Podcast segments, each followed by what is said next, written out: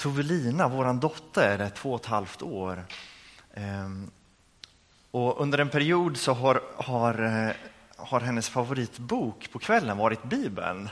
Och det kan man ju tycka, det är lite kul sådär va.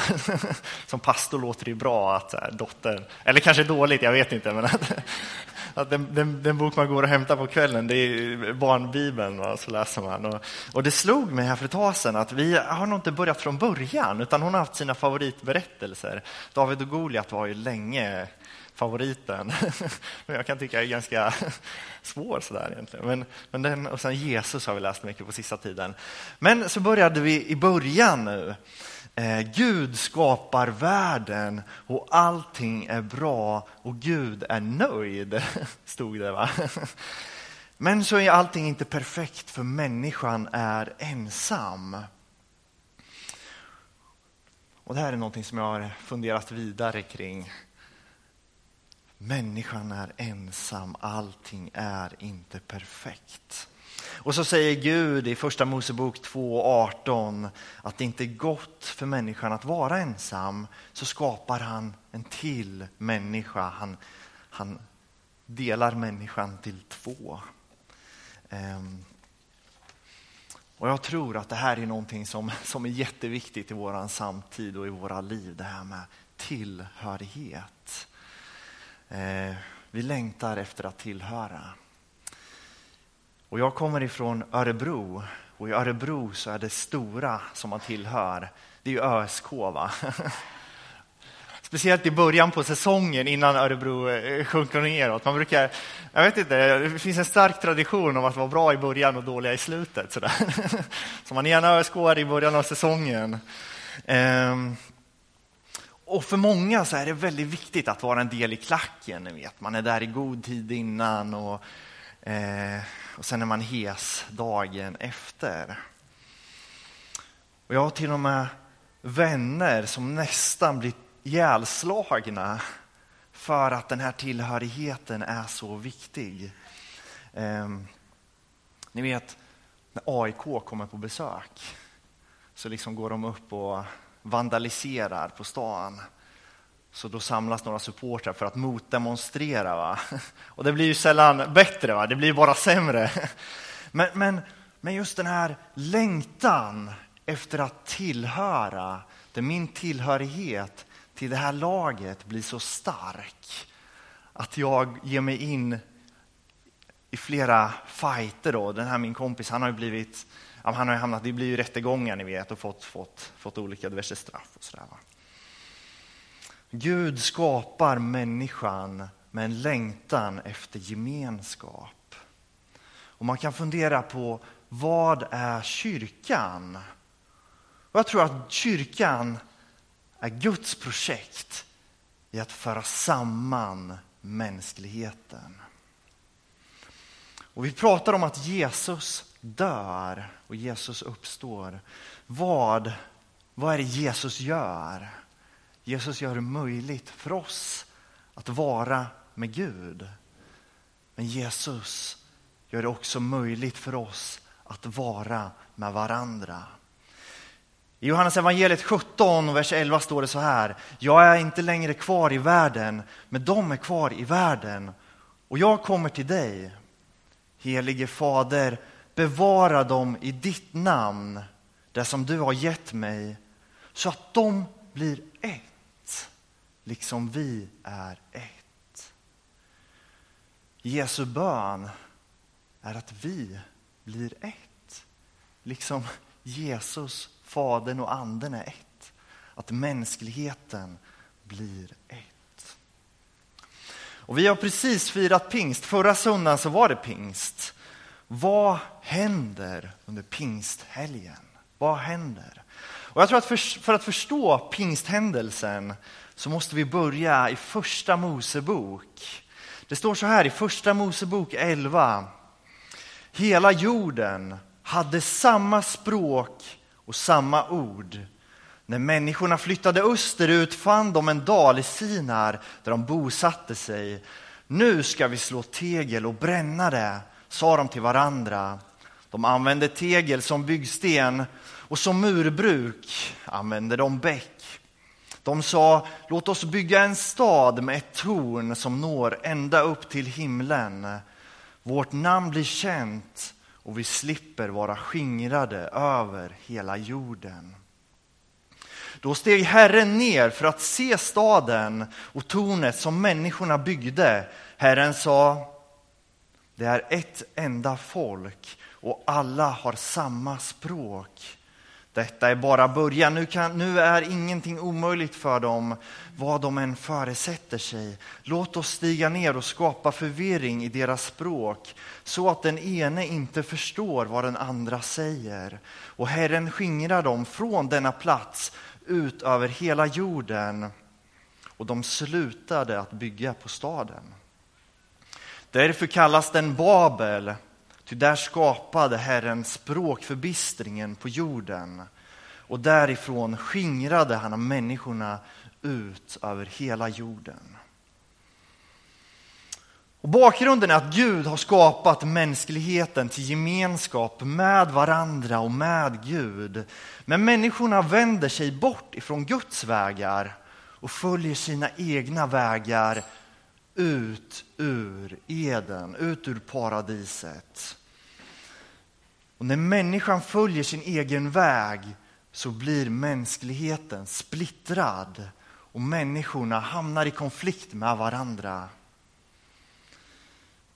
Och det slutar med att Gud börjar om skapelsen med början i Noa.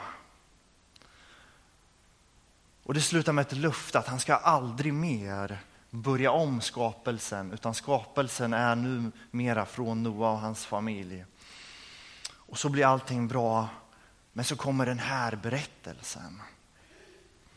Människorna, mänskligheten börjar bygga tornet Babel, det höga tornet. Varför gör de det? Därför att de vill låta sitt namn bli förevigat.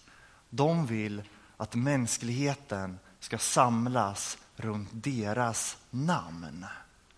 Alltså istället för att mänskligheten är samlade kring Gud så bygger mänskligheten tornet för att det ska vara det samlande. Och för Gud så handlar livet inte om att föreviga sig själv eller bygga upp världen runt människan. Utan så som Gud har tänkt. Runt Gud. va? Och Gud griper in och befriar människan från det här projektet. Från sig själv genom språkförbistringen. Och efter det är mänskligheten inte längre en, utan den är splittrad i många olika språk.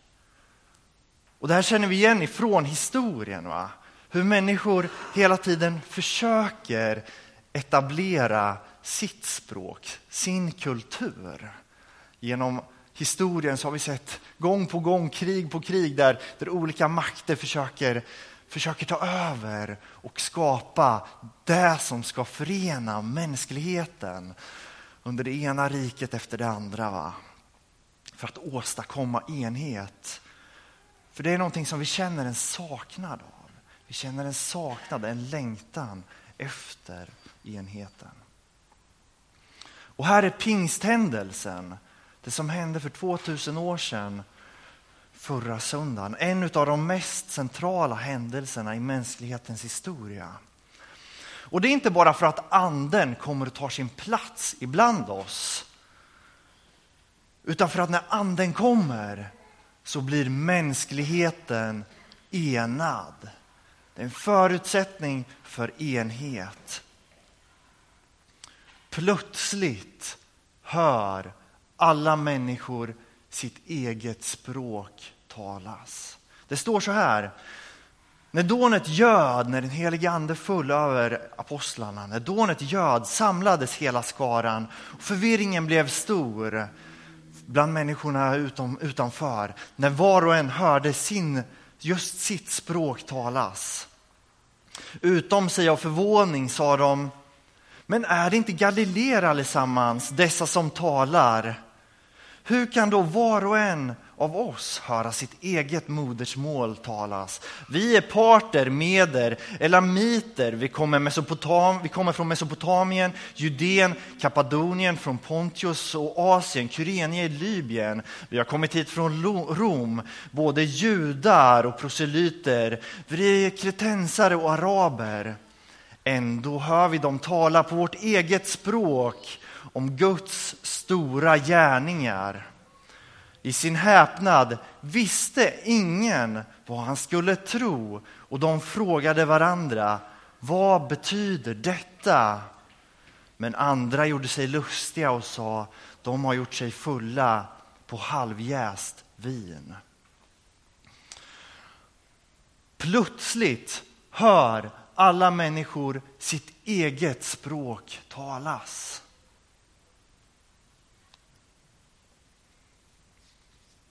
Vad är det som händer egentligen? Vad händer?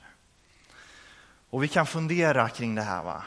Var det så att varje lärjunge fick ett nytt språk va? som de pratade ut så att plötsligt förstod alla? Eller var det så att de som var där uppfattade det lärjungarna sa som deras modersmål? Och De här frågorna svarar inte texten på. Men vad texten svarar på att Gud återställer mänskligheten. Språket blir ett. Människor hör. Det här är mitt språk. När anden faller så föds enheten. Anden föder enhet. Jag tror att anspråket i den här texten är inte att kristna ska gå runt och tala tungotal med varandra. Det är inte det texten säger. Utan att anden föder enhet. Där Babel splittrar mänskligheten genom olika språk. För anden samman mänskligheten. Det är textens anspråk. Plötsligt försvinner nationaliteter som mänskligheten tidigare har dödat för. Och plötsligt blir vi ett med varandra. Det här är den tredje predikan och sista predikan som vi har i en, en serie om evangelisation. Och har du missat dem tidigare så går det att lyssna på hemsidan eller på podcast under Brokyrkan. Men varför predikar jag om det här när vi pratar om evangelisation? Jo, för att jag tror att evangelisation är precis det här. Evangelisation är inbjudan till enhet. Evangelisation är att bjuda in människor till att vara del i den mänsklighet Gud från början hade för avsikt att skapa. Andens gemenskap. Och Jag tror att vi lever i den kanske mest ensamma tiden någonsin.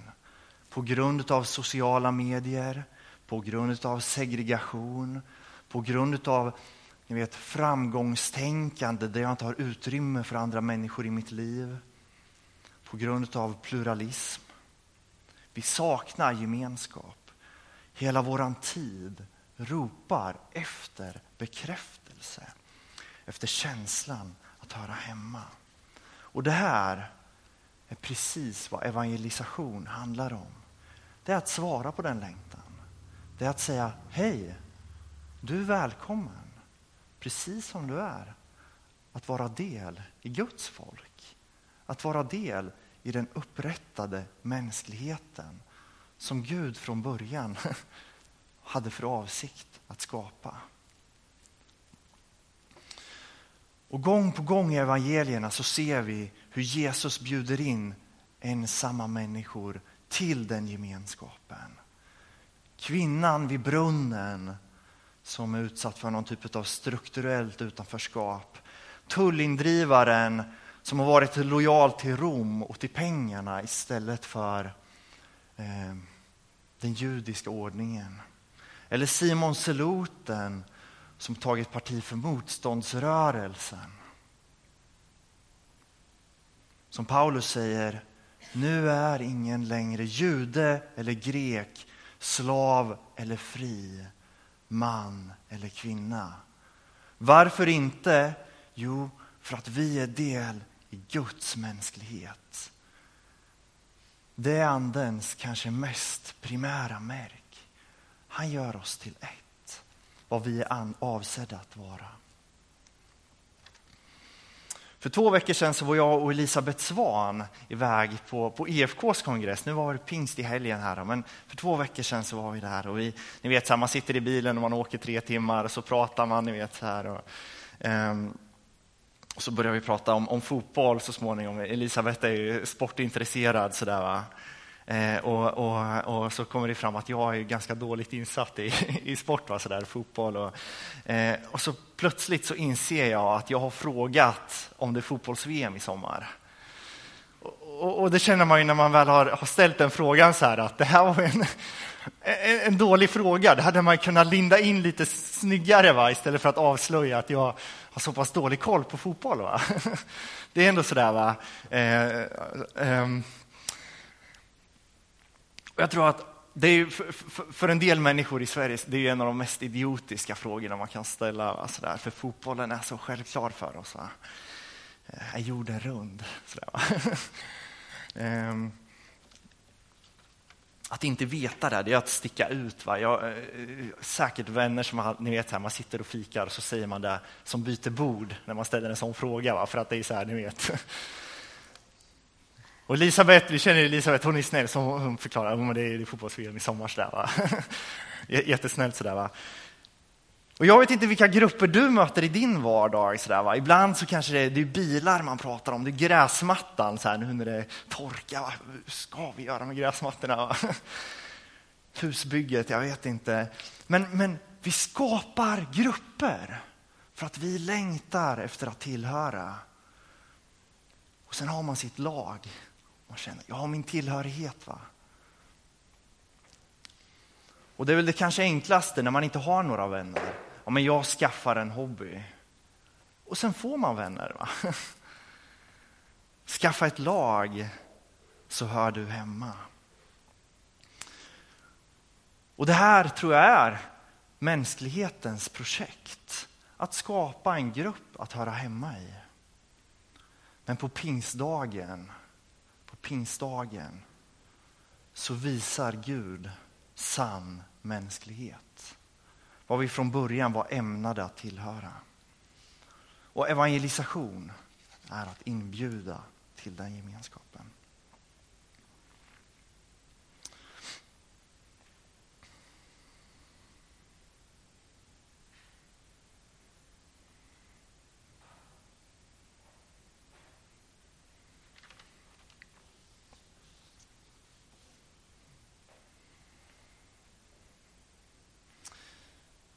I Johannes 13 så säger Jesus att världen ska veta att ni är mina om ni älskar varandra. Den här enheten är det avgörande i den kristna tron. Vi var aldrig skapade för oss själva. Och Det är någonting vi kan förneka hela livet och försöka klara oss själva, vara ensam är stark, ni vet. Men du behöver människor och jag behöver människor. Och världen behöver anden för sann mänsklighet. Vem ska vara med i kyrkan? Vem ska tillhöra kyrkan? Vem kommer säga ja på inbjudan vi ställer? Och här tror jag att alla som längtar efter sann gemenskap kommer. När Petrus predikar så är det några som gör sig lustiga. Det står så här. Några andra gjorde sig lustiga och sa de har druckit sig fulla på halvjäst vin. Och jag tror att det är så, alla kommer inte vilja tillhöra för att man har en annan gemenskap som man känner att det är det här jag hör hemma i. Va? Det här är min identitet som är bättre än andens identitet. Menar att man inte behöver den gemenskapen. Och det är upp till var och en. Vår uppgift är inte att människor ska, ska bli del i slutändan, utan att bjuda in. Att vara med och säga välkommen och få folk att känna sig välkomna. Varför är det så? För att du är skapad till gemenskap, för att jag är skapad till gemenskap och för att våra grannar och vänner är skapade till gemenskap. Och min bön är att vi ska få möta dem som ser igenom att fotbollen är allt. Att det är den fullkomliga gemenskapen. Det måste finnas mer än att leva sitt liv för att ha grönast gräsmatta. Va? Att ha finaste bilen.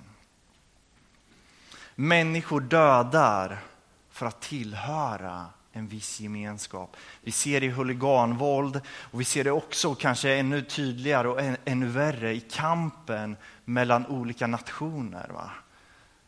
När nationstillhörigheten är det viktigaste för mig och de strider som det kan orsaka. Tänk om de människorna fick möta en djupare gemenskap. Tänk om vi fick vara med och bjuda in till den djupare gemenskapen. Jag tänkte läsa avslutningsvis ifrån Apostlagärningarna 2.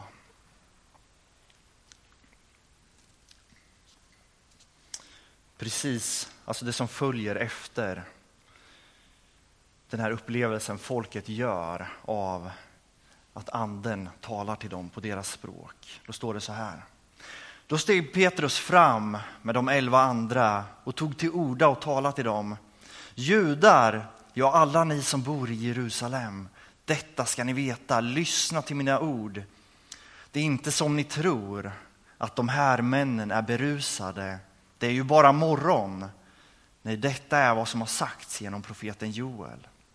Detta ska ske i de sista dagarna, säger Gud, att jag utgjuter min ande över alla människor. Era söner och döttrar ska profetera. Era unga män ska se syner och era gamla män ha drömmar. Ja, över mina tjänare och tjänarinnor ska jag i de dagarna utgjuta min ande och de ska profetera. Jag ska låta sällsamma ting visa sig på himlen och tecken nere på jorden, blod och eld och moln av rök. Solen ska vändas i mörker och månen i blod innan Herrens dag kommer, den stora och strålande. Men var och en som åkallar Herrens namn ska bli räddad. Israeliter, lyssna på mina ord. Jesus från Nasaret, en man vars uppdrag Gud bekräftade inför er genom att låta honom utföra kraftgärningar och under och tecken mitt ibland er, som ni själva vet. Han utlämnades efter Guds beslut och plan och ni lät laglösa spika fast och döda honom.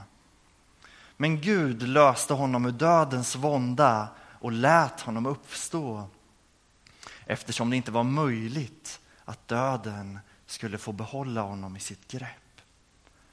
Ty David säger om honom, jag har alltid haft Herren för mina ögon. Han står vid min sida för att jag inte ska vackla. Därför, därför fröjdar sig mitt hjärta och jublar min tunga. Ja, än mer, min kropp ska få vila med förtröstan. Ty du ska inte lämna min själ i dödsriket eller låta din helige möta förgängelsen. Du har visat mig livets vägar du ska uppfylla mig med glädje när jag får se ditt ansikte. Mina bröder, jag kan lugnt säga till er att vår stamfar David är död och begraven. Hans grav finns här än idag. Nu var han ju profet och visste att Gud med ed hade lovat honom att sätta en ättling till hans tron. Och därför var det Messias uppståndelse han förutsade med orden, han lämnades inte i dödsriket, och hans kropp mötte inte förgängelsen. Denne, nämligen Jesus, har Gud låtit uppstå. Och vi kan alla vittna om det. Gud har upphöjt honom med sin högra hand Och sedan han enligt löftet tagit emot den heliga anden av Fadern har han nu utgjutit den så som ni ser här och hör.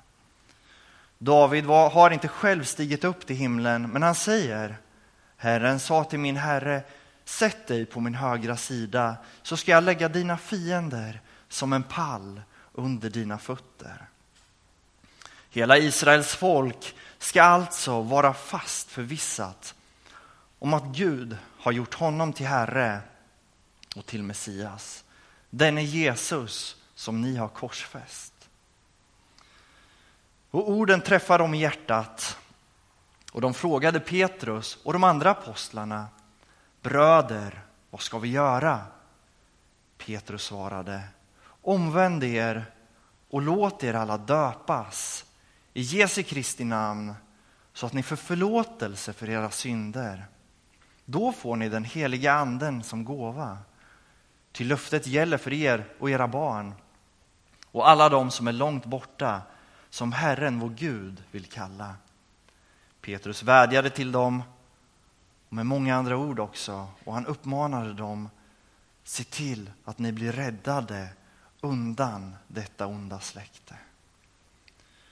De som tog till sig hans ord lät döpa sig och den dagen ökade det troendes antal med inemot 3000. Och de deltog troget i apostlarnas undervisning, den inbördes hjälpen, i brödsbrytandet och i bönerna. Efter det att anden faller. Efter det att människor ser mänsklighetens enhet så går Petrus fram och berättar vad Jesus har gjort. Och människor överlåter sig till det. 3000 människor lät döpa sig den dagen, står det.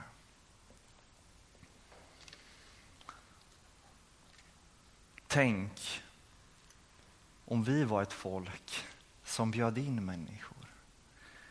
Tänk om vi var ett folk som var tydliga med våran tro i mötet med andra människor. Tänk om vi var ett folk som bjöd in människor till att dela den glädje vi har i Jesus genom att bjuda in till fest. Det längtar jag efter. Det tror jag på. Jag tror på det. Jag tror att det är Guds verk. Jag tror att det är Andens verk. Och Jag tror att Anden är levande och verksam. Och Jag tror att Anden vill komma och göra sitt verk i våran gemenskap. Låta sin enhet råda i vår gemenskap och sprida sig ut i Rimforsa så att fler får ta emot att bli befriade i att vara del i Guds gemenskap. Där fotbollslaget tappar värde. Va? För att tillhöra Guds gemenskap är någonting mer.